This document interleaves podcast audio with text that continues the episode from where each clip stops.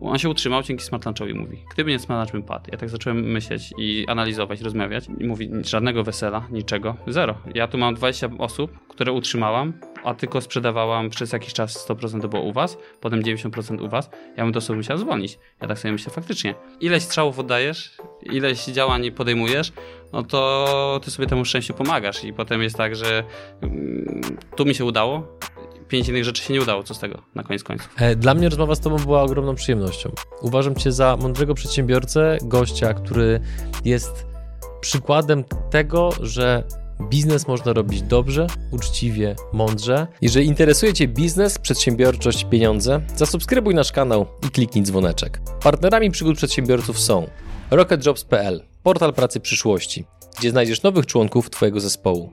Mercaton Asi, inwestycje z pozytywnym wpływem. SoFinanse, eksperci w dziedzinie finansów. IBCCS Tax, spółki zagraniczne, ochrona majątku, podatki międzynarodowe. Komarch ERP XT, fakturowanie, księgowość, sprzedaż w jednym programie online. Linki do partnerów znajdziecie w opisie filmu. Dzień dobry drodzy widzowie, Adrian Gorzycki, Przygody Przedsiębiorców. Witam Was w kolejnym odcinku naszego programu, gdzie tym razem naszym gościem jest Mateusz Taupasz. Dzień dobry. Cześć. Mateusz jest właścicielem firmy Smart Lunch i jeżeli słówko lunch w waszej głowie wskazuje na to, że być może jest to firma, która prowadzi bar mleczny na warszawskim Mordorze, to jest to prawda. A tak serio to absolutnie nie. W dwóch zdaniach, czym się zajmuje wasza firma? Ale tak naprawdę w dwóch, bo chcę przytoczyć pewne liczby. E, Smartness to jest firma, która karmi pracowników i pozwala pracodawcom dać e, najlepszy benefit, jaki jest, czyli dofinansowanie do posiłków. I teraz tak, sprzedaliście ponad 12 milionów posiłków. Tak. Macie 65 pracowników, sprzedajecie ponad 30 tysięcy posiłków dziennie. Tak. Macie blisko 70 tysięcy użytkowników, 450 klientów i 360 restauracji. No to są, to są prawdziwe liczby z teraz, ale jak za tydzień byś spytał, byłyby wyższe. Czy czujesz w związku z biznesem, który prowadzisz, zajebistą satysfakcję, biorąc pod uwagę skalę, jaką zbudowaliście i jak bardzo wasz biznes jest użyteczny dla użytkowników? No ja czuję dumę. Myślę, że mogę powiedzieć, że dumę czuję z tego wszystkiego. E, ogólnie z tego, że się udało. Moją pierwszą firmę, którą zakładałem, ona wyszła. To się rzadko zdarza, myślę. E, szczególnie jak widzę po wielu różnych znajomych, znajomych którzy próbowali różne firmy zakładać. Mhm. E, a jednocześnie, mm, no liczby to jest takie trochę może śmieszne, albo tak się przynajmniej wydaje, że ostatnio jak podsumowaliśmy na 10 milionów posiłków, e, jaką drogę przeszliśmy, ja porównywałem liczby z 2014-15 z początków, to to tak e, po prostu tak wyszło, tak z dnia na dzień jakby. Mhm. To się mhm. nie widzi tylko jak firma rośnie, bo ona nie rośnie z, dnia, z nocy, z dnia na dzień, e, tylko po prostu to się po prostu cały czas rozwija. To jest ciężka praca miesiącami. E, I czasem tak brakuje tego czasu, żeby sobie przeanalizować to wszystko. Mhm. A ile masz lat? 32 kończę w lipcu. 32. Czyli, czyli młody chłopak. Okay. Młody chłopak wciąż. A biznes jak długo prowadzisz ten? 8 e, lat minie właśnie w sierpniu.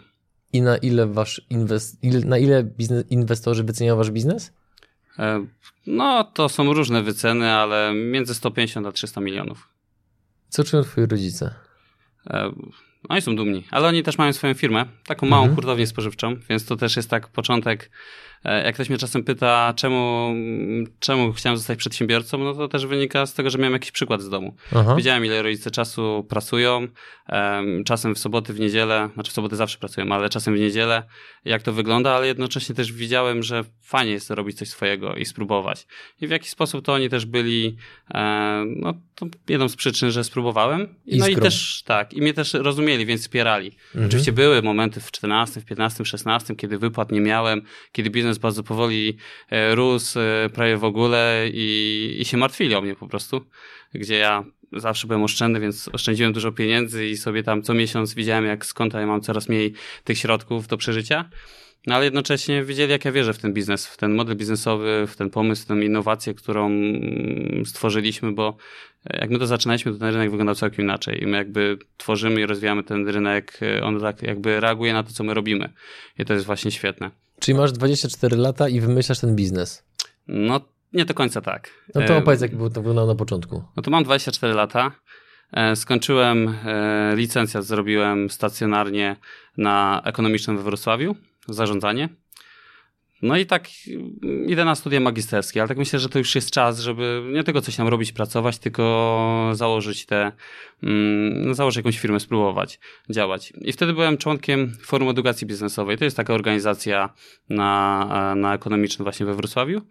E, I tam poznałem mojego przyszłego inwestora, czyli Tomka Popowa.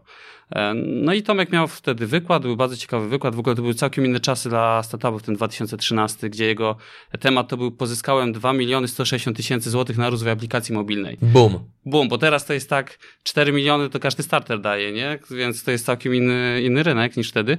I więc dla mnie to było ciekawe. A potem się okazało, że mm, on chce zrobić warsztaty e, dla studentów, gdzie będziemy tworzyć aplikacje. No to ja się zgłosiłem jako organizator z ramienia mm, FEB-u. E, no i się okazało, że to są bardzo fajne rzeczy, bardzo mi się podoba, więc spróbowałem, zagadałem go. Ja, ja ogólnie uważam, że to jest, jak się przeanalizuje taką drogę do sukcesu, to jest bardzo dużo ciężkiej pracy, oczywiście, ale na koniec końców to jest 3-4, przynajmniej u mnie tak uważam, że to są 3-4 jakby dobre wybory. I oczywiście tych wyborów, prób to się mm, stworzyło wiele, tak. No i większość to są pomyłki, ale to jest normalne.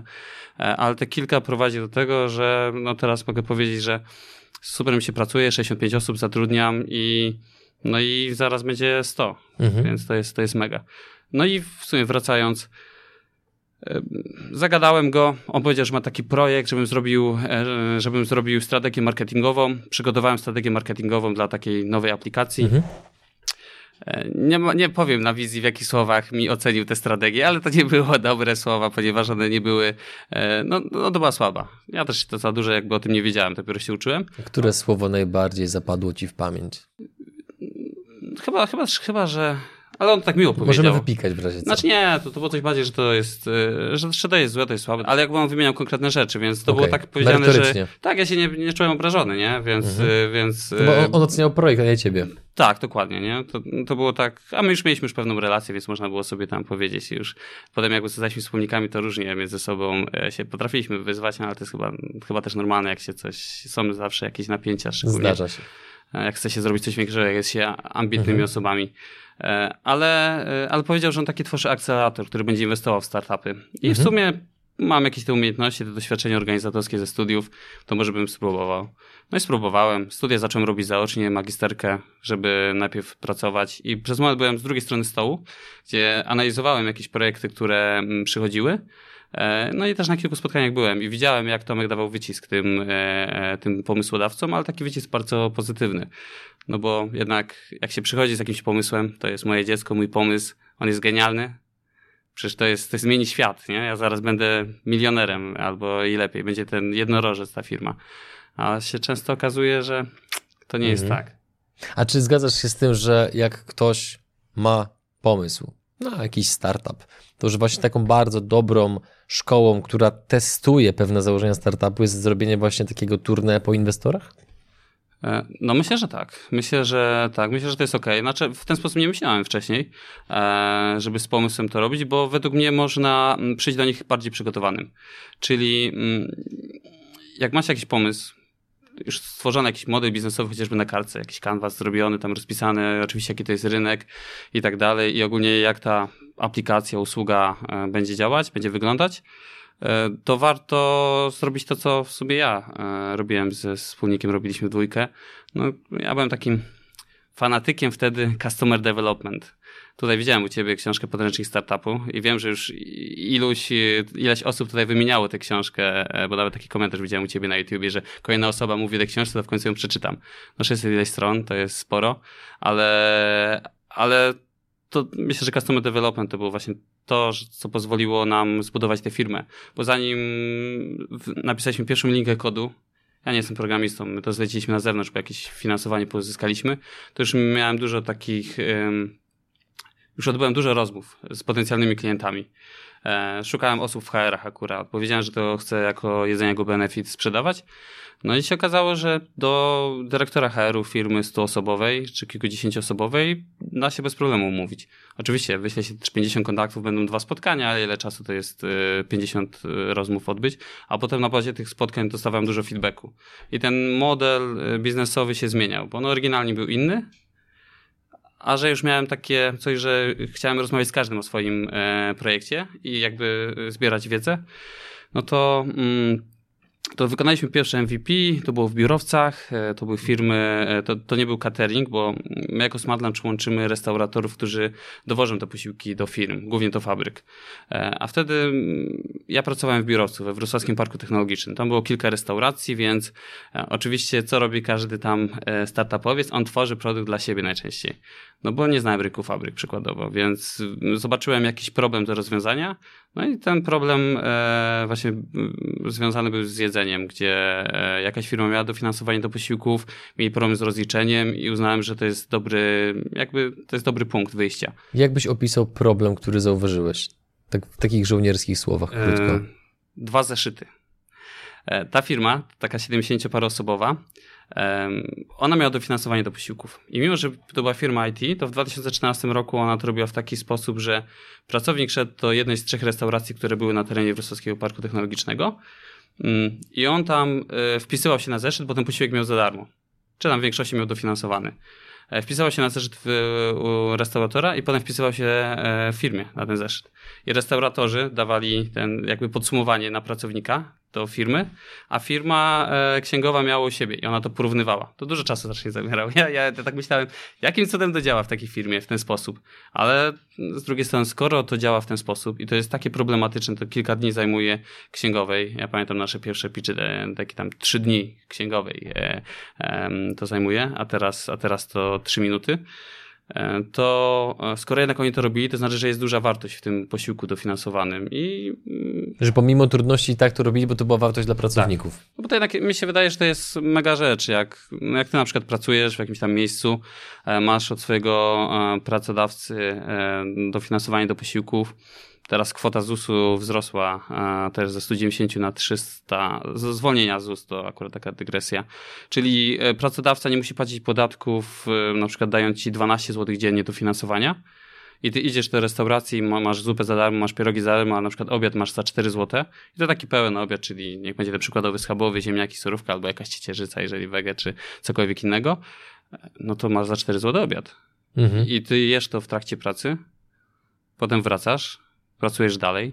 No i, no i zjadłeś właśnie ciepły, wartościowy posiłek, a na koniec końców według mnie no, to jest fajne, że ja mogę oczywistości mówić w moim biznesie, czyli to nie jest tak jakby wymyślony tak całkiem mhm. E, biznes, że każdy z nas musi zjeść posiłki, musi coś zjeść w pracy. Jestem w pracy co najmniej 8 godzin, z podróżą to jest pewnie nawet 9 czy więcej. I w tym czasie trzeba coś zjeść. Albo to będą kanapki, albo może nic nie zjem i wtedy będę głodny, no to nie będę też efektywny. Mhm. E, albo mogę mieć jakiś, e, jakiś obiad, tylko że jeżeli ja zamawiam sobie z restauracji codziennie posiłki za 20 parę złotych, no to wychodzi już kilkaset złotych miesięcznie. A jeżeli mam to finansowane od pracodawcy, no to nagle się okazuje, że za kilka, kilkadziesiąt nawet złotych ja przez cały miesiąc jem obiady w pracy. Po prostu spróbuj.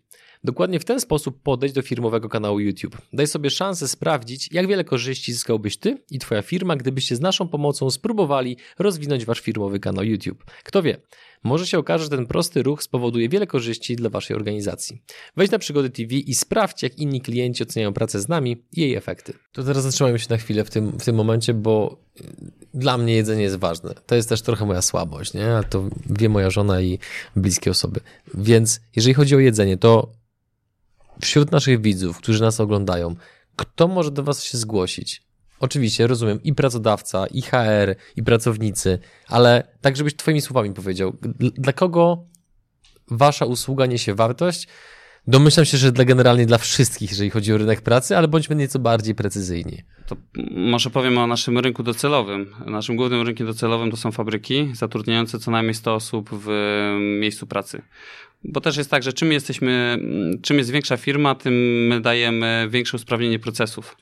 Bo jak powiedzmy w trzy osoby pracujemy gdzieś, no to sobie bez problemu jakiś zamówimy posiłek, rozliczymy. Jak mhm. mamy kilkaset osób do rozliczenia, no to zaczynają się problemy. To, to są te zeszyty, o których mówiłem, gdzie było 70 tak. osób.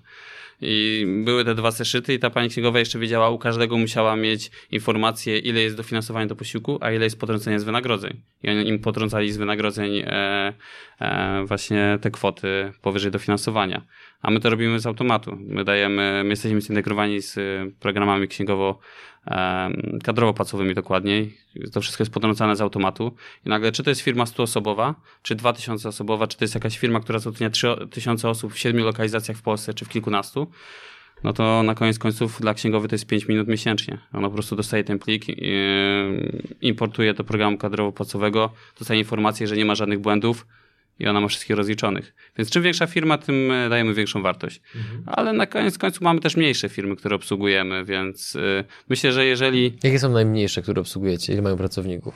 Mamy takie, ale to są pojedyncze sztuki po kilka osób ale to najczęściej jest tak, że są niedaleko jakichś naszych innych klientów, więc jesteśmy w stanie to zrobić.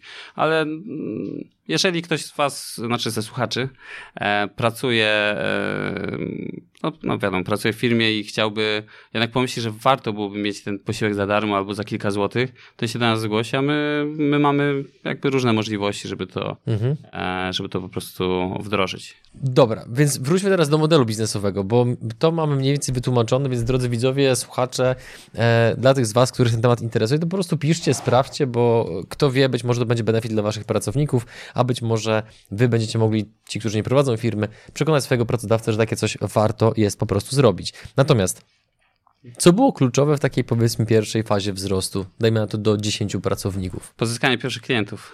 E, Jak to robiłeś? Jak to wyglądało? I to było najcięższe. E, to jest tak, że My przeszliśmy na rynek e, fabryk. O tych fabrykach nigdy nie myślałem, ponieważ no, nigdy w życiu w fabryce nie pracowałem. I raczej jest tak, że mało startupów robi rzeczy dla fabryk, bo raczej no, nie znamy potrzeb tego rynku. Mhm. E, ja wtedy na tych studiach zaocznych... No oni nie e, bywają na meetupowych startupach. Tak, a poza tym raczej szukamy tego, no wiadomo, ten pomysł musi skądś przyjść. Te zauważenie, ten problem trzeba jakoś zauważyć. Mhm. No ja ten problem zauważyłem, bo, bo w tym samym budynku była ta firma, która miała rozliczenia. A czemu przyszliśmy na fabryki? Powiedzieliśmy po MVP, po pierwszych testach, że to nie do końca działa tak, jak powinniśmy i powinniśmy zrobić jakiś pivot. Tak wyglądało. A ja też na studiach, robiąc, miałem też szczęście, że poszedłem na te zaoczne studia, bo tam byli kierownicy w różnych fabrykach, którzy po prostu musieli mieć, żeby awansować dalej, musieli zrobić magisterkę zarządzania. No ja też z nimi rozmawiałem i ktoś mi mówi, ty masz tyle pomysłów na ten projekt, bo ja tam opowiadam, co my teraz robimy, co my w MVP, co zrobimy później. Już budowałem tego mhm. smoka takiego, już jest tyle tych funkcji, nie? z których wyciąłem większość MVP, ale żeby to dobrze działało, musiałoby, musiało być tam z pięć różnych elementów. On mówi, ta jedna rzecz wystarczy, że u mnie w fabryce było lepiej. I tak, aha, ciekawe. No i, e, no i w sumie potem pozyskaliśmy pierwszego klienta, e, nie mając jeszcze produktu, robiąc takie trochę przedstawienie, bo też się okazało, że jeden, jedna z dużych fabryk we Wrocławiu szukała wtedy, chciała wprowadzić dofinansowanie do posiłków. Mhm. Bo dofinansowanie do posiłków jest takie strasznie nośne wśród pracowników. E, to była firma. Mm, w sensie, teraz... że jest to ogromny benefit dla ludzi tak, w postrzeganiu, tak? Tak, tylko że musisz wiedzieć o nim, a wiele osób nie wie. Karty sportowe, no ja mam u siebie w firmie, jak korzystam i jestem zadowolony, ale to już wiemy, że coś takiego jest. Ale jedzenie, dofinansowanie, to tak wiele osób ma, to kurczę w sumie jak? Do tej pory było tak, że firma musiała wybudować kantynę. Kantyna jest droga. Potrafi kosztować nawet półtora miliona złotych, a może nawet więcej czasem. Mm, same spełnienia norm sanepidów, te wszystkie, cała wentylacja, to wszystko kosztuje, no a poza tym też ma się sanepid na głowie. E, no i to, na to stać duże firmy i duże firmy karmią. Ogólnie w dużych firmach y, to tam są zawsze jakieś kantyny i często są też jakieś dofinansowane, czy posiłki są po prostu za kilka złotych. A mniejsze firmy, mniejsze to ja mówię 700-osobowe fabryki też, no to one już miały problem. E, żeby to, e, żeby to właśnie wdrożyć. I firma Bombardier, e,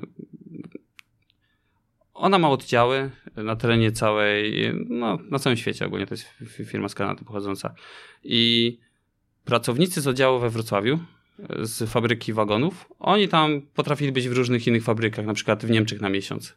A tam kantyna i tam jedzą. I oni przyjeżdżają i mówią, a czemu my nie mamy jedzenia? My chcemy mieć jedzenie. No i tak co spotkanie jakiejś całej firmy, co, co, y, kilka razy już o tym mówili, więc firma postanowiła wprowadzimy coś takiego, ale nie możemy kantyny wybudować. No i to się idealnie spięło z tym, co my chcieliśmy zrobić. Bo nie chcieli podłączyć jakiegoś restauratora, który będzie przywoził, jakoś się rozliczać właśnie tak ręcznie bardziej mieli, a my mieliśmy rozwiązanie. I oni się zgłosili do naszego restauratora, a restaurator powiedział, ja tego sam nie zrobię, ale ze smart lunchem to zrobię.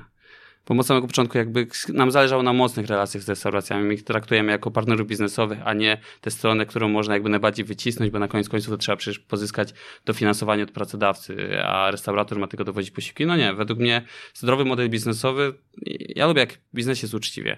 I ja chcę, żeby ten restaurator miał dobry biznes, żeby dużo zarabiał, No, tak samo, żeby pracownicy mieli świetną usługę i żeby firma też miała jakiś benefit, który jest najlepiej, najwięcej osób wykorzysta, że jeżeli płaci więcej za dofinansowanie e, do posiłków, to płaci tylko dlatego, że ludzie więcej korzystają. To też tak, na początku jak model biznesowy tworzyłem, to widziałem jak niektóre benefity działają na rynku, gdzie się płaci z góry i ktoś nie korzysta, a pracodawca i tak za to płaci i firma tym więcej zarabia. Ja tak pomyślałem, wolałbym zarabiać więcej, jeżeli ludzie więcej zamawiają. Bo wtedy my wszyscy gramy do tej samej bramki. Restaurator, chce więcej zarabiać, sprzedać posiłków, ja, bo na prowizjach więcej zarobię. E, pracownik jest bardziej zadowolony, no bo on będzie więcej zamawiał posiłków, jak będzie miał dobre posiłki, które mu pasują. Jak nie, to nie będę korzystał, no bo po co mi zamawiać posiłek, który mhm. mi nie smakuje. A pracodawca, no zapłaci trochę więcej, ale ma lepsze efekty. Na przykład utrzymanie pracowników, czy inne te cele, które sobie e, stawia, stawia po prostu wdrażając jakieś benefity. Chciałbym ci przerwać i poruszyć jeden wątek, który już lekko wybrzmiał, ale chciałbym, żeby bardziej wybrzmiał, bo e, bardzo często, kiedy spotykam różne osoby i pytają się mnie o moją pracę, to jednym z najczęstszych pytań, jakie dostaję, to jest, jakie są elementy wspólne dla Twoich gości. No i zauważyłem, że jednym z takich elementów jest to, że ci przedsiębiorcy, którym idzie wyjątkowo dobrze, Oczywiście wiadomo, że jest po drodze milion innych czynników, element szczęścia i inne rzeczy, ale skupmy się na tym, na co, na co mamy wpływ. Zauważyłem, że jeden z takich kluczowych czynników jest to, że przedsiębiorca jest bardzo blisko swojego klienta. Ale nie w kontekście tylko wysłania mu faktury, przypominania o zapłacie i tego typu atrakcjach, które są standardem. Ale to, co powiedziałeś a propos właśnie customer developmentu.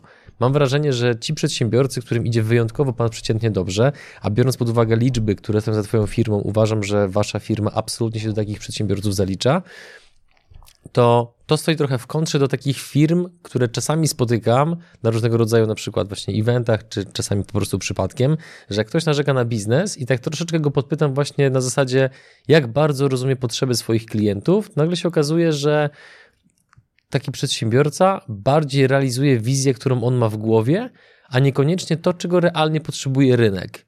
I jakbyś mógł ten właśnie wątek customer developmentu rozwinąć nieco bardziej, bo nie wiem, czy też masz takie odczucie, ale według mnie to jest tak turbo proste narzędzie, że bądź bliżej klienta, schowaj ego do kieszeni, wyciągnij te informacje, które są realnie dla klienta potrzebne, obserwuj, czy on tylko mówi, że czegoś potrzebuje, czy może też po jego czynach widać, że tego potrzebuje i z czasem wyszlifujesz ten model biznesowy, bo sam powiedziałeś w pewnym momencie, że mieliście błędne założenia początkowo, które zostały wyszlifowane poprzez kontakt z klientem. Więc gdybyś mógł ten wątek bardziej rozwinąć, to już oddaj ci mikrofon. Kurczę, ja tutaj cztery rzeczy bym chciał powiedzieć, a to co mówiłeś, ale nie mam kartki, ja potem zapomnę i tak, więc odpowiem na te pytanie.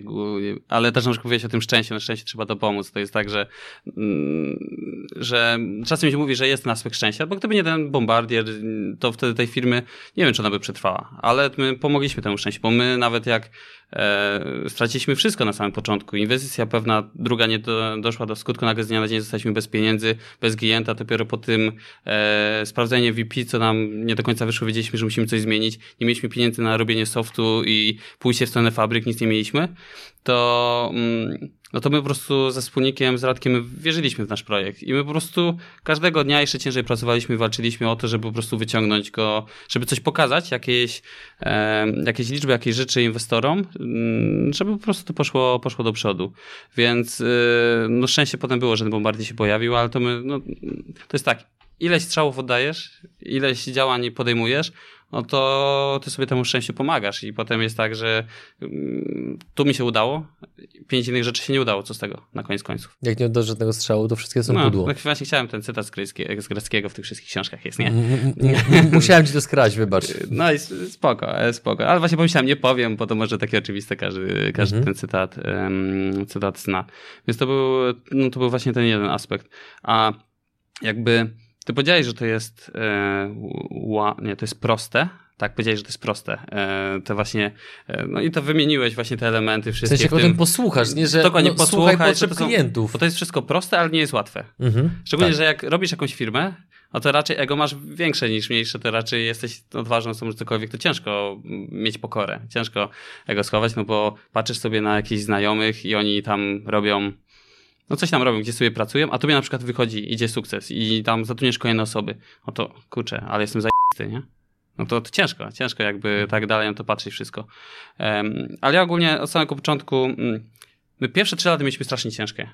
E, I ciężko było przetrwać. I to było tak, że co chwilę był dołek, jak już wychodziliśmy, to kolejny dom był jeszcze gorszy. To ja mogę mm. nawet opowiedzieć, jeżeli to cię dawaj, będzie dawaj, interesować. Dawaj, ale, ale te dołki to po prostu to są takie strzały w twarz cały czas. Strzały, e, strzały w twarz od rynku, czy tam od różnych rzeczy. No i podniosłeś się za pierwszym, za drugim, za trzecim, za czwartym razem. No i dlatego się coś udało. Ja ostatnio oglądałem Rockiego, którymś część i tam było właśnie, że to nie dochodzi e, e, tam Chyba, był jakiś cytat... piąta rozmowa z synem pewnie na ulicy. Chyba tak, tak. To jest ta ostatnia właśnie, no dokładnie. Tam, tam go I mu, spizgał go ostro. I, i to, był, i to, było, to, to było w ogóle, ja tak pomyślałem, kurczę, to jest strasznie biznesowe. To mi bardzo pasuje, że to chodzi, żebyś potrafił wstać. Nieważne ile ciosu przyjmiesz, tylko ile razy wstaniesz, no bo w końcu tak. tam, tam pójdziesz, nie? I tak mówię, o, Roki, biznes, biznesowe rzeczy, dobrze, dobrze mówi. No założył restaurację, jakby nie patrzeć. dokładnie, końcu, dokładnie, wtedy już był biznesmenem, nie? E, więc, e, więc, ale to, było, to mhm. było spoko. Mm, więc y, każdy ja uważam, że ogólnie dużo będzie tych uderzeń i dużo tych ciężkich sytuacji. My, ale ten jakby model biznesowy, wszystko co się robi, to ja to postrzegam jako, to jest zbiór hipotez. I wszystkie rzeczy, które chcemy robić w smart, smart Launchu, jakichś nowych, to są hipotezy. Hipotezy to jest weryfikowania. I żeby te hipotezy jakoś zweryfikować, no to musisz to zmierzyć. No i na koniec końców, no to widzisz, czy jest pozytywnie, czy negatywnie.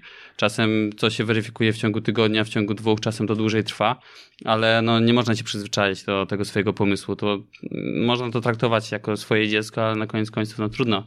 Jak jest krytyka, krytyka jest konstruktywna. A kto ci zaszczepił ten sposób myślenia i działania?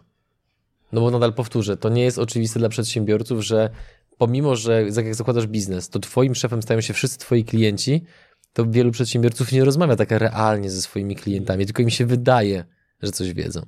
No to ja myślę, że to było właśnie wtedy na studiach i myślę, że ten e, ta forma edukacji biznesowej to też był według mnie ważny punkt, gdzie my zapraszaliśmy, organizowaliśmy spotkania z praktykami biznesu od prezesów banków przez e, e, no, różnych przedsiębiorców i do dużych, no nie będę jak wymieniał akurat. I tam się słucha. I tak słuchasz, masz jakąś teorię ze studiów, która wtedy dla mnie była taka. A potem, robiąc firmę, nagle zacząłem kumać, które elementy ze studiów są takie niezwykle ważne. Ja wtedy olewałem i tak mówiłem, po co się uczyć tyle o kulturze organizacji, nie? Organizacyjnej, a nagle w czasie robienia firmy, jak się miałem Kluczowa ponad kilkunastu rzecz. pracowników, to tak, Boże, jak, jak ja chciałbym wrócić na te studia, tylko że nie mam na to czasu i sobie prze, posłuchać wtedy z tą wiedzą, którą mam teraz. Ale tak samo, jak jedną książkę czytałem w 2014 i drugi raz ją czytałem w 2018, ja całkiem inaczej, całkiem inną książkę przeczytałem wtedy, nie?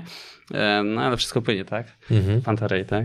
No i, e, no i sk skąd to się wzięło? Właśnie mi się wydaje, że odsłuchanie tych różnych osób, no i też Tomka, właśnie inwestora, który który też, nie wiem, czy to nie on mi dał książkę potężnych startupów. Mówimy, to chcesz tą firmę założyć, zacznij od tego. Mhm. Jest, masz tu Biblię, nie?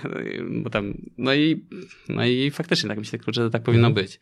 Pewnie też jakieś moje predyspozycje i tak dalej, bo to wszystko się łączy, ale mhm. jakby czasem to jest tak, że ktoś musi wytyczyć, pokazać jakąś to, jakąś drogę, to musi, on tylko drogowskaz ci może dać jakiś, nie? I to mhm. ty już możesz pójść.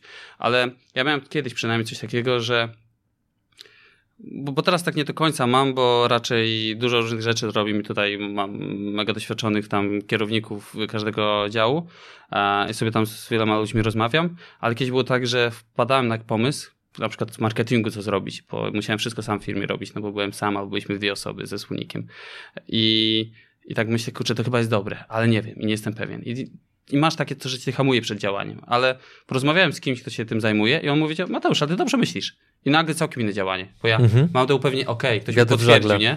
I, le, I lecę, nie? Bo ja wtedy wiem, że nie zmarnuję tego miesiąca, czy tygodnia, czy dwóch, bo jednak robię tę stronę, więc według mnie ja lubię porozmawiać z ludźmi i to mi pomaga, pomogło przy tym biznesie. Pomogło w tym, że poszliśmy w stronę fabryk. I, yy, i ty dawno temu już mi zadałeś pytanie, co, co jakby o tym sukcesie e, świadczyło o tym jakby rozpędzeniu, to Tomek Karwatko u ciebie był, nawet niedawno, bo widziałem, że ty jeden się... No, tak, Tomek super. E, jego brat Piotr też. E, mhm. I Tomek... E, ja go poznałem na samym początku, nie wiem, czy mieliśmy pierwszego klienta, czy nie. No i tam coś tam przy, przy Smart Lunchu poznał, projekt mi się podobał. E, I potem na uczelni go spotkałem. Powiedziałem, że on tam będzie wykładał raz, właśnie też w ramach Forum Edukacji Biznesowej, więc posłucham go. I on mi tam zagaduje, cześć Mateusz, jak tam? A ja też się ucieszyłem, że mnie wciąż pamięta, nie?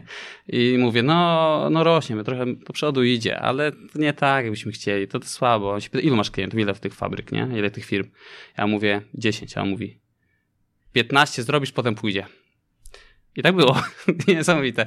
W momencie, jak mieliśmy około 15-16 fabryki, to nagle się okazało, że rozmawiam z kolejną firmą i ta firma e, mówi, a spoko, już was zweryfikowałem, bo e, znam panią, która w Bombardierze pracuje, przykładowo, nie? czy w jakiejś innej firmie.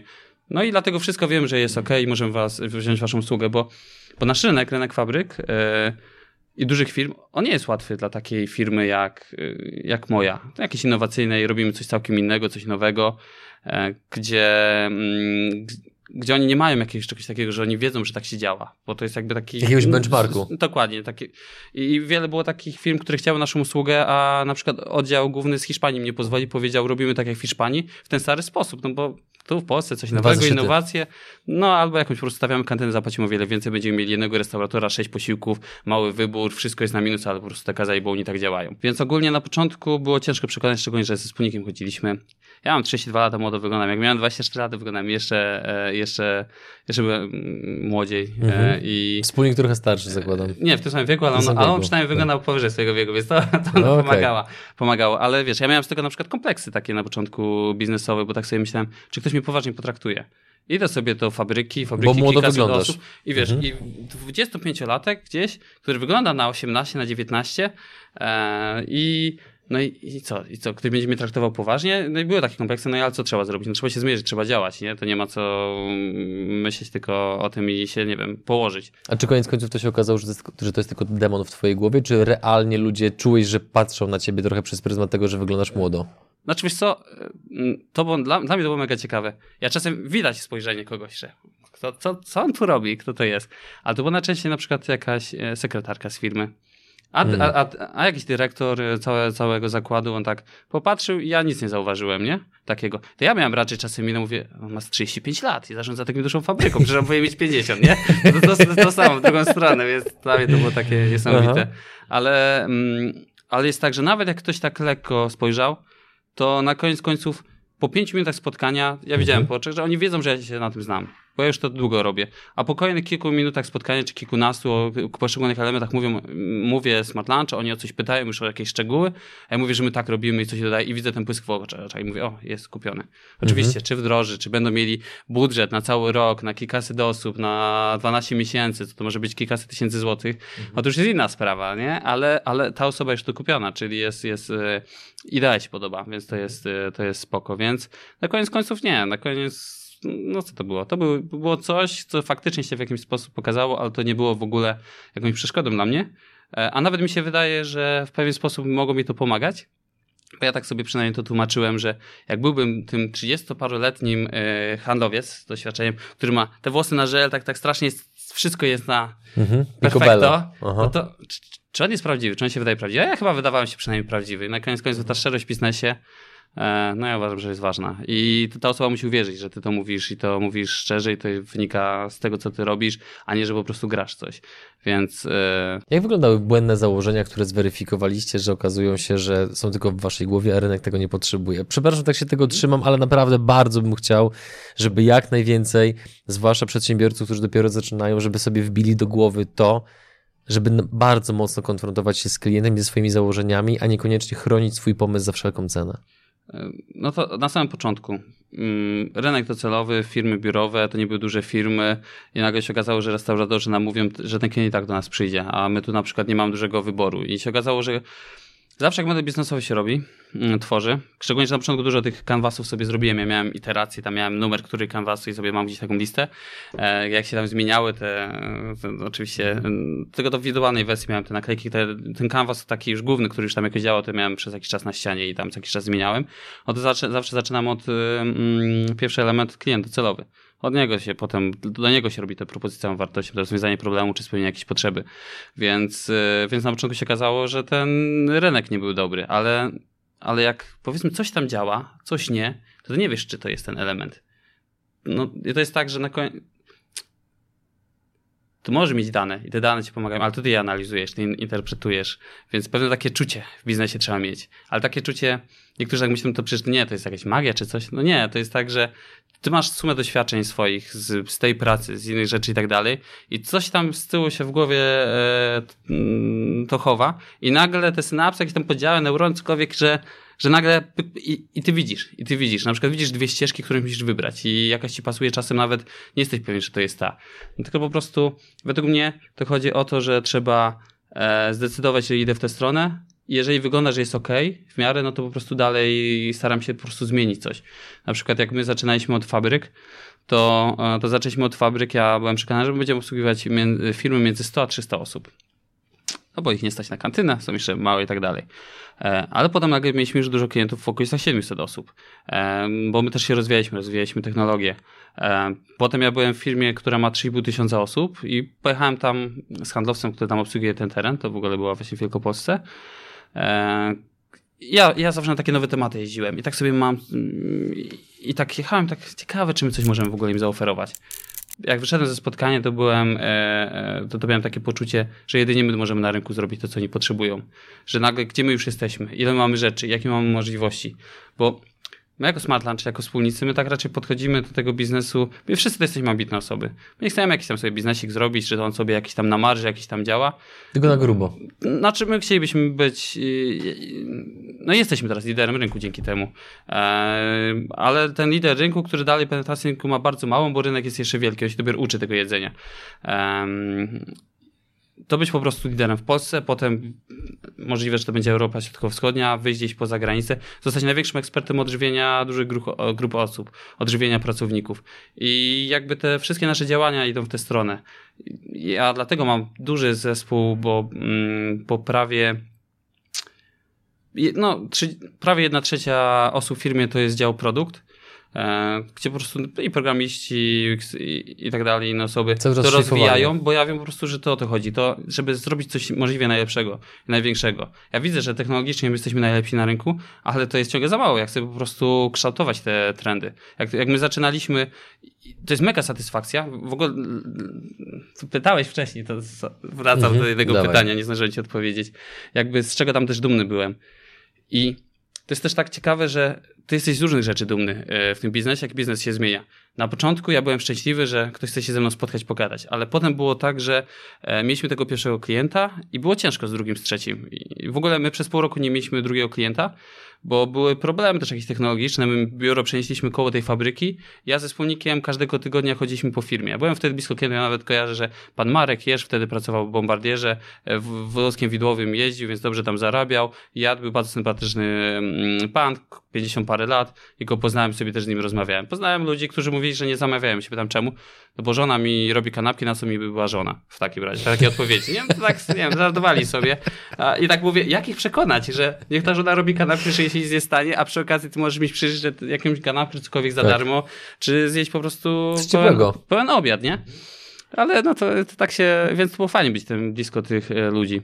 Ale widzisz, to też, to też jest kolejny element, który z mojej perspektywy ogromną inspiracją uważam, dla, powinien być dla wielu osób. I to jest też dla mnie nawet takie dobre przypomnienie, że e, no teoretycznie, jak przystało na startupowca, mogłeś siedzieć w swoim coworku, myśleć, kminić, e, postitami oklejać ścianę, a wy przynieśliście biuro obok waszego pierwszego klienta. Tak, tak, tak. To jest może banał, ale to jest, to, to, to, to mogło realnie ustawić wam bardzo mocno cały biznes, bo mogliście się bardzo szybko uczyć. Tak, no ale bo my musieliśmy, w ogóle mieliśmy takie tablety, takie wielkości na ścianę, tylko że, że musieliśmy mieć taki, bo u nas się zamawia przez aplikację mobilną, to większość zamawia przez stronę www, a my też musieliśmy mieć usługę dla pracowników produkcji, którzy nie mają smartfonów, szczególnie 2015 rok, to teraz też większość ma, ale my musimy mieć taką usługę, gdzie każda z osób, każdy z pracowników musi mieć łatwy dostęp do tej usługi. To też są tam osoby powiedzmy, że technologicznie, no nie wiem, wykluczone, zacofane, jak to nazwać, no nie potrzebują mieć smartfonów i tak dalej, jakichś aplikacji. E, więc, e, więc mieliśmy takie tablety na ścianach, w których kartą wejścia, wyjścia do fabryki się odbijało, logowało się na swoje konto, wybierało posiłek, zamawiało. E, tylko problem był taki, że jak on się coś popsuł, czy, czy jakaś mała awaria była, to nie można było wyciągnąć wtyczki i włożyć. Trzeba tam pójść, wyciągnąć wtyczkę, otworzyć, odłączyć, podłączyć w odpowiedniej kolejności, żeby zadziałało. No i my dopiero potem mieliśmy pieniądze, rozwijaliśmy, że zrobiliśmy taką wersję naszą już na takim monitorze dotykowym, tam nie korzystając już z tabletów kodowych, e, mhm. tą samą technologię, która była świetna pod tym względem, że jak ktoś dzwonił, że coś jest nie tak, że coś nie działa do zamawiania, bo na początku wiadomo, był problem różne techniczne, hardware to hardware, no to była informacja, niech pan wyciągnie wtyczkę, niech pan czeka 10 sekund, niech pan włoży wtyczkę, się włączy, będzie działać. A potem była kolejna rzecz, która mega technologicznie nam pomogła, rozwinęła się, bo też my nie mieliśmy niestety tak dużo pieniędzy wtedy na rozwój e, softu, a dopiero potem mogliśmy stworzyć własny dział i teraz to już jest całkiem inaczej, jak ja widzę ile osób, ile robi każdego tygodnia, czy tam przy każdym sprincie, to jest wow. No to było coś takiego, że on się codziennie o czwartej rano restartował. I ile problemów rozwiązał. Po prostu spadł pięciokrotnie liczba problemów z tym sprzętem, bo, bo był codziennie zrestartowany, więc jakby, no jak, komp, jak kompa długo nie wyłączysz, no zaczyna mulić i różne mogą być rzeczy, nie? I po prostu szczęście. Mhm. Um, tak, więc... Wspomniałeś słowo sprint. Tak. To ma na pewno związek z produktywnością waszego zespołu. Tak, no bo... Mm, Opowiedz o tym troszeczkę więcej. E, ogólnie... Jak to robicie? E, znaczy ogólnie to ja tutaj powiem od razu, e, największym specjalistą w tym nie jestem, bo ja, bo to jest tak, to jest w ogóle ciekawe, że ja o wiele mniej, więc, mniej rzeczy wiem w firmie, niż kiedyś wiedziałem. Znaczy, ogólnie wiem więcej, ale tyle się rzeczy dzieje w firmie przy 60 paru osobach, że ja musiałem się nauczyć tego, Mateusz, ty nie musisz tego wiedzieć, nie patrz tam. No bo na pewnym poziomie ogółu wszystkim, bo to jest też spoko, jak tam ktoś mi coś mówi, ja zawsze o czymś coś wiem, ale tak, to musi być ten poziom i to ciężko niektóre rzeczy oddać. Trzeba się nauczyć tego delegowania i tak dalej, się zmienia. Więc kiedyś to ja o wszystkim wiedziałem. Kiedyś ja mówiłem o tych sukcesach, nie? że ja byłem tak strasznie dumny, jak nie mieliśmy drugiego klienta, ale ktoś mówił, e, ale to jest super, ale mi się Smartlaunch podoba. No nie został klientem, bo nie mieli budżetu czy cokolwiek, ale było super. Potem pozyskaliśmy jakiegoś klienta, to byłem z tego dumny. A teraz jest tak, że ja patrzę, że każdego miesiąca my pozyskujemy tych fabryk, ja nawet nie znam nazwy tych firm, a wtedy znałem użytkowników. No i po prostu to się tak zmienia. Znaczy, jak już wchodzą, to ja wiem, ale kiedyś ja byłem, jak było dwóch, trzech handlowców, to ja byłem przy handlowcach, ja byłem przy procesie sprzedaży w każdym elemencie, a teraz mam tego kierownika sprzedaży, mam jeszcze e, mhm. marketing i tak dalej, który to wszystko ten yy, zbiera, a ja tak, no po prostu na najważniejsze wskaźniki patrzę, więc musiałem się skupić na pewnych działaniach, więc... E, Jak to się ma do sprintu, o który pytałem? E, no, to nie jest to, żebym ci odpowiedzieć na tamto i musiałem wrócić, niestety ja tak mam, sorry, ale czasem tak mam, ale, ale co do sprintów to jest tak, że e, no my działamy e, Agile, więc, więc mamy... Dla osób, które nie wiedzą, co to jest Agile? Agile, to jest nie działanie kaskadowe, tylko zwinne, to jest zwinne metodyki zarządzania projektami mm, i najczęściej są używane w projektach technologicznych, kiedy e, się planuje jakieś pewne działania, tylko w aspekcie nie jakichś miesiąca, dwóch, trzech, tylko na najbliższe dwa tygodnie, co, co chcemy wykonać. Oczywiście ma się większą wizję, gdzie się chce dojść, ale w dwa tygodnie, e, na przykład w dwa tygodnie, bo to nie muszą być dwa tygodnie, mamy dwa tygodnie rzeczy, które chcemy zrobić i potem wypuszczamy je na produkcję, czyli zmieniamy mhm. tu aplikację Dzięki temu mamy też pewne testy, pewne rzeczy widzimy, co działa, co nie i możemy jakby dalej rozwijać się, mm, rozwijać się na kolejne dwa tygodnie, kolejne dwa tygodnie, czyli szybciej wypuszczać mniejsze części oprogramowania, no po to, żeby żeby jakby szybciej to zweryfikować. Bo na koniec końców my ciągle jesteśmy firmą, w której jedną z trzech głównych wartości to jest ta związana właśnie z tym, to nazywamy szybko testuj, czyli zmierz wyniki, testuj, rób wszystko w wersji MVP, czyli ten, pewnie wiele osób mówi o tym, czyli jak mam pomysł na wielki produkt, 15 funkcji, ale wystarczy może zrobić tylko jedną z tych 15, to zajmie 15 razy mniej czasu, może, a może tam 10, ale mniej, która jest wystarczająca, żeby coś zweryfikować. Jak się okaże, że rynek docelowy ci powie, a po co mi to? to nagle się okaże, że no nie było sensu robić tych 14 kolejnych rzeczy i zaoszczędziłeś ileś miesięcy, ileś pieniędzy. Więc jednak staramy się ciągle robić to, że robimy jakieś fragmenty, wrzucamy potem na produkcję, jak coś robimy nowe rzeczy w firmie, także coś zmieniamy technologię, jakąś nową stronę, nie tylko usprawniamy to, co działa, to, e, to po prostu, żeby jak najszybciej zbierać te informacje zwrotną z rynku. Feedback, feedback to wszystko. Mhm. No, tak bym mógł powiedzieć. Jakbyś miał wskazać demona, który najbardziej hamuje jeszcze szybszy rozwój ciebie jako osoby i być może firmy, to co byś wskazał? E, jeżeli chodzi o firmę, ja myślę, że jeżeli chodzi o firmy, to środki, e, bo... E, w sensie finanse. Tak, finanse. Bo, Stąd zbierać od inwestorów. Tak, dokładnie. Dlatego, dlatego teraz już rozmawiamy z, z funduszami i kolejną rundę chcemy zrobić. My już tam mamy dosyć spoko doświadczenie w zbieraniu pieniędzy. Ostatnią rundę to zebraliśmy 5 mm, milionów, więc już za to trochę się rozwinęliśmy dalej. Bo A ogólnie... teraz ile zbieracie? Kilkadziesiąt milionów planujemy, bo jesteśmy większą firmą. My to w ogóle zbieraliśmy przed COVID-em, a potem mieliśmy trochę spadki na początku COVID-u, bo e, dużo fabryk nie wpuszczało ludzi z zewnątrz do firmy, więc, e, więc przez to mhm. trzeba zapauzować na chwilę usługę, ale potem te wszystkie firmy wróciły i zaczęliśmy pozyskiwać kolejne, więc jesteśmy firmą kilka razy większą, bo my przed COVID-em mieliśmy te cztery razy rok do roku rośliśmy, było ok. E, teraz dalej rośniemy, w każdym roku rośliśmy.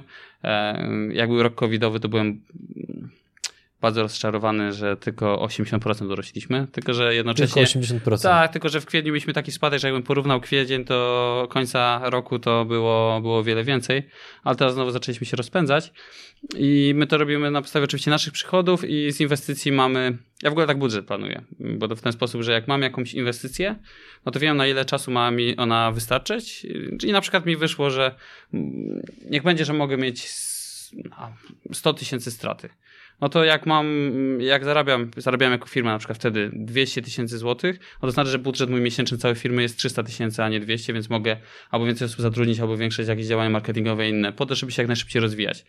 Mm, więc, no i dzięki temu też, że wydawaliśmy te pieniądze w dobre miejsce, to tym liderem rynku zostaliśmy. Nawet firmy, które startowały w podobnym okresie, czy później, no to to wielokrotnie są mniejsze. Za chwilę cię zapytam jeszcze o inwestorów, ale tak. nie odpuszczę demona prywatnego. To demon prywatny mój. Jest coś takiego, z czym walczę e, i mi się udaje, e, ale i nawet myślę, że radzę, radzę sobie w miarę. To jest coś takiego jak e, efekt skupienia chcę mieć. Bo jak się robi pewną rzecz, to na początku jest to nową rzeczą i to jest ekscytujące, to jest wow, fajne ale potem yy, mija miesiąc, drugi, trzeci i trzeba robić tą rzecz, bo ona działa, trzeba ją robić dalej, ale zaczyna być, no to ciągle to samo robię, to jest nudne, chciałbym robić nowe rzeczy, jak i szukać nowych dróg, ale jednocześnie jak coś działa, to ty musisz mieć wystarczająco dużo e, energii skupionej na tym, żeby to, co działa, ciągnąć dalej, żeby po prostu firma rosła, a jednocześnie ileś czasu, e, ileś procent zasobów firmy, finansowych, czasu pracowników i tak dalej, mm, poświęci na te nowe testowanie, no bo musisz umieć to ciągle testować, nie? No ja mam to, że jednak czasem chciałbym robić te nowe rzeczy i to tak trochę odciąga od tego, co działa i czasem niektóre rzeczy, które się powtarzają, trochę mnie tam tutaj nudzą, ale mam o tyle dobrą e, sytuację, że e, mam osoby wszędzie zatrudnione już, które też e, mhm. dowożą te rzeczy, więc, e, więc to jest to. E, więc mi się wydaje, że taki brak skupienia mm, potrafi być problemem, ale ale na szczęście y, mam świetnych wspólników i każdy z nas jest inny. Mam jednego, który jest jeszcze bardziej testujący nowe rzeczy i ja go wstrzymuję, y, kiedy trzeba, a, kiedy, a w drugą stronę ja też czasem mam tak jednak, że, e, że jednak tutaj przez te skupienie, a za bardzo się skupię na tym działaniu tym takim bezpiecznym i za mało zrobienia czegoś innego, to inny wspólnik po prostu bardziej mówi w tę stronę i my wypracowujemy dzięki temu um, się wydaje jednak odpowiednie działanie. Przejdźmy do inwestorów. Co powoduje, że obcy ludzie są wam gotowi powierzyć dziesiątki milionów złotych. A, w ogóle nasz y, ostatni inwestor to nie był fundusz żaden, chociaż rozmawialiśmy z funduszami, ale to był nasz drugi klient. Tak. Y, jest taka fabryka, e, Comex, i ona została naszym drugim klientem ever. I to w ogóle był świetny proces sprzedażowy. E, my wtedy uruchomiliśmy cold mailing, a to było jeszcze czas cold mailing, wtedy żar strasznie, to było szkoda, że tak to nie działa jak kiedyś. E, wiadomo, ludzie się przyzwyczaili. Wtedy jeszcze ludzie nie wiedzieli, że to automat pisze, nie? I my tak w miarę to wcześniej robiliśmy.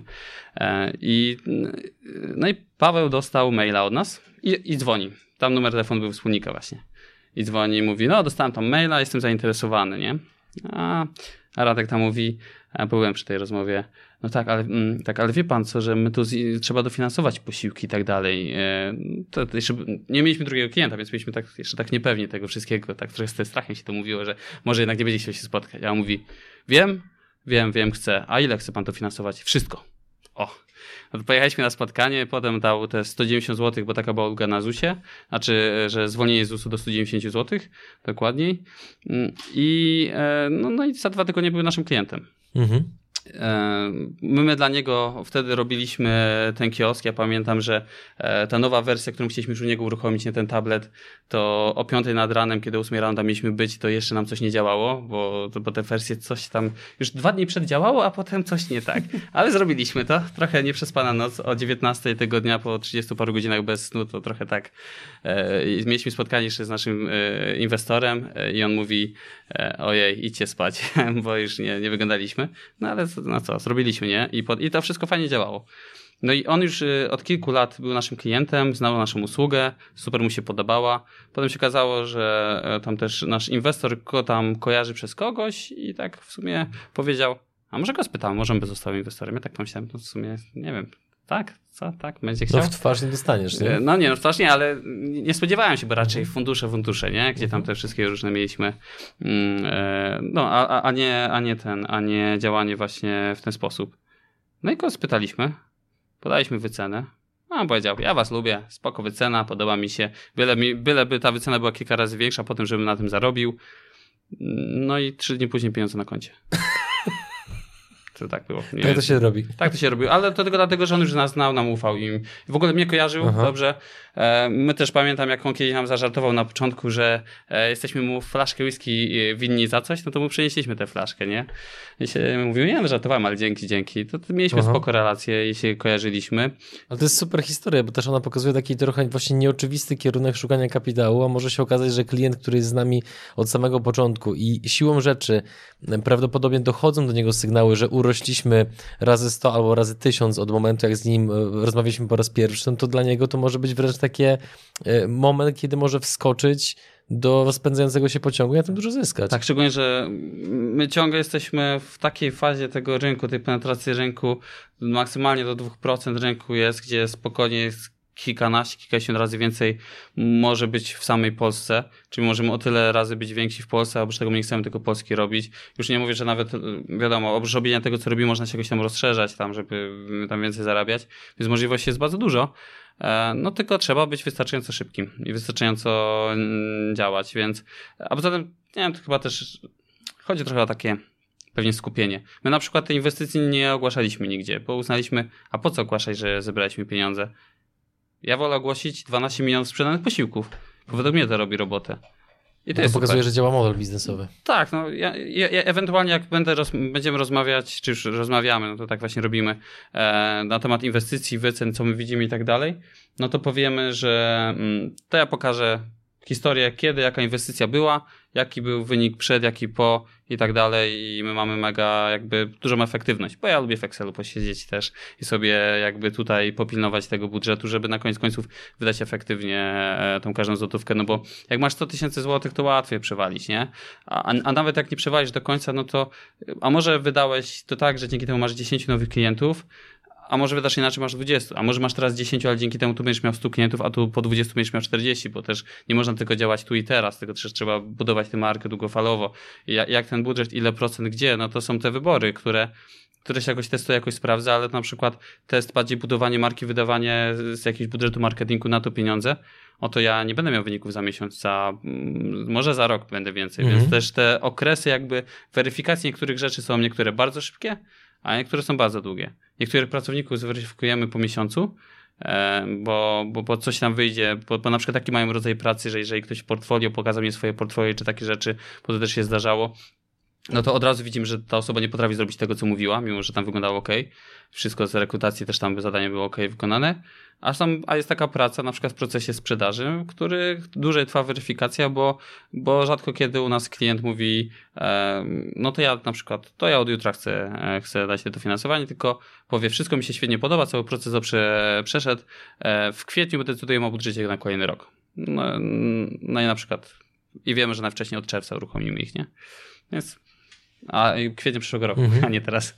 Wiesz, niektórzy klienci po trzech latach nam wchodzili. Proces sprzedaży czasem trwał kilka dni, średnio tam parę miesięcy, a czasem trwa, czasem po trzech latach klient zostaje. I ja przynajmniej wiem, że wszystko, co my dobrze zrobiliśmy, co zasialiśmy przez ostatnie, no tak realnie dobrze działaliśmy, sprzedażyło pięć lat, no to, to wraca. I to jakby nam napędza, to jest taka fajna kula cieszona. I to są, to są mega rzeczy. I potem a potem, a potem są mega zaskakujące czasem. Jak na przykład y, jedna rzecz, której byłem dumny, której nigdy bym nie pomyślał w czasie covidowym y, roku. To, że nikogo nie zwolniliśmy, nie, nie chciałem nikogo zwalniać z firm z powodu covidu. Uznałem, że to jest też moja odpowiedzialność, jak ten budżet był planowany, że dużo w ludziach i tak dalej. Po prostu wszyscy musieliśmy, jako wszyscy pracownicy, ponieść też odpowiedzialność i wszyscy przyszli na 4 5 etatu, etatu i też mieliśmy trochę mniejsze wynagrodzenia przez te 4 5 ale ja z każdym pracownikiem osobno porozmawiałem na ten temat. I miałem taką mega dumę, że każda osoba mi powiedziała, jedna osoba powiedziała, no rozumiem średnio, ale coś tam, a reszta, to było wtedy 40, chyba 7 osób czy coś takiego w firmie, reszta to mi mówiła, super, że tak robicie, że nikogo nie zwalniacie. I widziałem taką odpowiedzialność wśród ludzi za firmę. I to było takie. Że wow. wszyscy razem chcą przetrwać. Tak, że są i że oni też czują się odpowiedzialni też za firmę, za swoją i za kolegę. Ja słyszę gościa, który ma najlepsze wyniki w czymś i on nie mówi mi, a ja mam najlepsze wyniki, więc ja powinienem zostać to samo. Tylko ja rozumiem spoko, że tak robicie. Eee, to myślę, że to dzięki. I tu wracamy do kultury organizacyjnej, o której no, mówiłeś tak. wcześniej. Ta transparentność, to wszystko, to jest, to jest tyle tematów, ja bym mógł tyle e, gadać, ale inna rzecz, której byłem dumny na koniec roku, My zawsze, my robimy wigilę firmową, też tam jest podsumowanie, prezentacja. Staramy się, żeby trwała do dwóch godzin, a nie za długo, gdzie każdy dział jakby też mówi o najważniejszych rzeczach w tym roku, które się wydarzyły. I tak sobie myślę, dobra, tam moja część, podsumowanie, z czego jestem dumny. Urośliśmy o te ileś procent, no nie jest taki wynik, ile bym chciał, to 80%, ale urośliśmy. Nikogo nie zwolniliśmy z tego powodu COVID. Oczywiście tam potem jeszcze w czerwcu, lipcu zwolniliśmy osoby, ale z powodu wyników pracy i różnych, e, więc, e, więc to też ok. Ale tak rozmawiam z jakimś handlowcem i on mówi mi na temat swojego restauratora, który ostatnio mu strasznie dziękował za to, że on się utrzymał dzięki Smart Lunchowi, mówi. Gdyby nie Smart Lunch, bym padł. Ja tak zacząłem myśleć i analizować, rozmawiać. I mam na przykład firmę, która za kilkaset tysięcy miesięcznie e, sprzedaje posiłki Smart Lunchu, bo działała z nami od samego początku, mega wspiera, to jest fajny partner e, biznesowy, to jest świetny restaurator, spoko osoba, która też tak dobrze do tego wszystkiego podchodzi i w 2017 sprzedawała za kilka tysięcy miesięcznie, w 2018 za kilkanaście i w każdym miejscu, gdzie jesteśmy, my pozyskujemy kolejnych klientów coraz łatwiej, bo te osoby przechodząc z firmy do firmy mówią, my chcemy smart luncha, czyli my robimy dobrą robotę, że nie aż mm. tak bardzo chcą. I już doszła do poziomu mm, kilkuset tysięcy e, i, i to jest sala bankietowa. I ona mówi, żadnego wesela, niczego, zero. Ja tu mam 20 osób, które utrzymałam, a tylko sprzedawałam przez jakiś czas 100% to było u was, potem 90% u was, ja bym to sobie musiał zwolnić. Ja tak sobie myślę, faktycznie, to jest 20 osób, które pracują w jakiejś mniejszej miejscowości, które jak wtedy zostałyby zwolnione, nie miałyby pracy, to jest 20... Brak alternatywy. Tak, tak. I to byłoby 20 jakichś dramatów tych osób, bo by nie mieli pieniędzy przez te kilka miesięcy, potem to jakoś tam wiadomo wróciło i tak dalej. To miałoby więc... wpływ na ich rodziny też. Tak, i podliczyłem kilka, dokładnie, kilkaset takich pracowników gdzieś mniej więcej, bo liczyliśmy po przychodach, po tym ile tam osób jest tak potrzebne na, e, ile przychodów na osoby, żeby tak jakby ze Smart Luncha też e, utrzymać, z tego co oni tam zarabiają na czysto. I mi wyszło, że to jest kilkaset osób, kilkaset osób, których uratowaliśmy pracę i przez to jest kilkaset rodzin, nie? Ja mówię, zakładając biznes, nigdy bym nie myślał o czymś takim. Ja sobie myślałem, e, jest ten problem do rozwiązania, chcę zrobić, czyli problem tam z tymi posiłkami, zorganizować to odpowiednio, pozyskać pierwszego klienta, zrobić jak największą firmę, a nagle się okazuje, że dzięki tym fajnym relacjom i takiemu działaniu, że ten restaurator dzięki nam też zarabia, nie tylko my zarabiamy na tym biznesie, nagle jak był taki moment, którego nikt się nie spodziewał, który zmienił w ogóle wszystko, e, nagle wow, dając wartość, dając siebie dużo, tak jak Gary mówi, dużo, dawaj, dawaj, dawaj, nagle się okazuje, że, że można zrobić coś większego niż się, niż się kiedykolwiek uważało, nie? Tu postawmy kropkę. Jakby ja chciałem powiedzieć, że słuchaj, kurczę, mówisz zarąbiście dużo dobrych, mądrych rzeczy, więc mam nadzieję, że jeszcze kiedyś się zobaczymy w naszym programie, bądź w innych okolicznościach, chociażby na naszych eventach, na które serdecznie zapraszamy.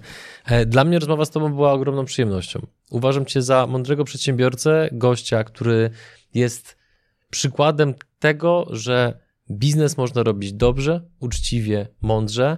Jest to absolutne zaprzeczenie wizerunku prywaciarza, krwiopijcy, badylarza i tych wszystkich innych pejoratywnych określeń, które mam nadzieję, że, przepraszam za słownictwo, zdechną jak najszybciej, bo to jest po prostu, uważam, ogromny ciężar dla e, percepcji całego społeczeństwa. Ale mogę ci przerwać? Proszę. Dokładnie mówiłeś, więc sorry.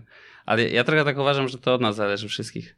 Ja na mhm. przykład mhm. mam coś takiego, że ja chciałem, żeby ten biznes był uczciwy. I ogólnie, żeby biznes wokół był uczciwy. No i co ja mogę zrobić? No się świata nie zmieni. Wiadomo, niektórzy, którzy tam oszukują, kombinują i tak dalej, to dzięki temu zarobią więcej. Ktoś jest uczciwym jakimś tam przedsiębiorcą, aż za uczciwym powiedzmy, że tak no, to się nie da, ale i przez to ma gorzej. I na przykład prowadzi jakąś restaurację, ma ciężej, nie zatrudni na czarno, cokolwiek. Um, ale tak sobie myślę, ale co ja mogę zrobić? Ja mogę mieć wpływ na te otoczenie. I czym mm. jakby większy jest smart, tym mamy większy wpływ na osoby wokół. I ja miałem kiedyś, jak jeszcze bezpośrednio przy tym pracowałem, jak mój numer y, prywatny telefonu był obsługą klienta, bo nie chciałem płacić 300 zł y, firmy więcej kosztów robić i do tej pory do mnie klienci czasem dzwonią. Więc to było spoko. I to jest spoko. E, więc i, i był na przykład jeden restaurator, który sprzedawał posiłki za 30 tysięcy złotych miesięcznie, więc już tam spoko. Spoko już biznes przy okazji tej całej reszty, co robi, ekstra dodatek, ale był straszny, strasz, strasz, straszny człowiek, e, w znaczeniu, że on ma jakieś reklamacje na kwotę z tych 30 tysięcy na jakieś 300 zł miesięcznie, czy jakieś małe e, kwoty i on od razu tam wyzywa naszych pracowników z obsługi klienta, bo my mamy jakby, my jesteśmy całym outsourcingiem usług dla fabryk, czyli nie musisz zajmować tym jedzeniem, my mamy obsługę klienta, my wszystko zajmujemy, wy macie jedzenie, wy macie to z głowy, na tym polega, to jest potrzeba też dużych firm, żeby to tak działało. E, I więc my mamy tę obsługę klienta, wszystko robimy, ale jednocześnie czasem potrafił tam do pracowników i tam coś robić, jakieś afery, złe rzeczy. No to ja mówię, dobra, to nie ma co. Proszę mnie, tam do osoby, co się zajmowała tym terenem e, od nas, zdobądź mi inną ofertę, trzeba tego jednego restauratora z tych wymienimy, mimo że on tam głównym restauratorem był. I on potem e, dzwonił i straszny miał problem, że co my robimy, nie? I tutaj, ja akurat byłem przy tej rozmowie, to ja mówię, da, nie, nie dawaj mojego numeru telefonu, tylko podaj telefon, a ja mu powiem. I się przedstawiłem, że jestem prezesem. Oczywiście, jak zawsze ktoś słyszy, że jest prezes, to ton głosu się zmienił. Hmm. Spokojny już był. I mówił o tym, że jak tu ja tu mam pracowników i tak dalej. A on powiedziałem, wie pan co, ale te posiłki będą sprzedawane z pana miejscowości, bo my lokalnych restauratorów podłączamy. Ja mogę pokazać, powiedzieć tym pracownikom, który to jest restaurator, będzie potrzebował zatrudnić, a on jest, y, nie wiem, mi się wydaje, że jest bardziej fair w biznesie, tak wyglądał, nie? Więc na koniec końców, według mnie, to było dobre, bo i tak powinno się działać, że jeżeli my możemy coś i możemy jednak współpracować z tym bardziej uczciwym i na jakichś uczciwych zasadach, to jak więcej osób tak robi, to na koniec końców e, wolałbym, żeby dobro zwyciężało. Ja również, więc e, drodzy widzowie, jeżeli macie jakiekolwiek pytania do Mateusza, to oczywiście stawiajcie je w komentarzach. Jeżeli ten odcinek Wam się podobał, to dajcie łapkę w górę, a jeżeli chcielibyście sprawdzić, czy oferta Smart Lunch mogłaby być również dostępna w Waszej firmie dla Waszych pracowników, no to po prostu napiszcie do nich, skontaktujcie się przez stronę internetową, do której link jest w opisie filmu i przez media społecznościowe. Zgadza się? Tak. Na mojego LinkedIna zapraszam do kontakt, na LinkedInie można pisać. Jakby ktoś chciał kiedyś zobaczyć, jak firma wygląda, jak działa i tak dalej, na przykład jest z Wrocławia, to ja lubię oprowadzać ludzi, szczególnie takich młodych przedsiębiorców, jak mam czasem okazję na przykład na uczelni, przez znajomych z uczelni tam na jakichś zajęciach komuś wystąpić, to też się bardzo cieszę, jak potem ktoś mówi, że było ok. Dla mnie to w sumie pierwszy występ na YouTube, więc też proszę o cieszę komentarze, się, może się, no tak, więc, więc trzeba będzie się poprawić następnym razem, mam nadzieję, że było ok, więc czekam. Jak na, na pierwszy raz to debiut był rewelacyjny. A, dziękuję, dziękuję. Dziękuję za rozmowę. Dzięki.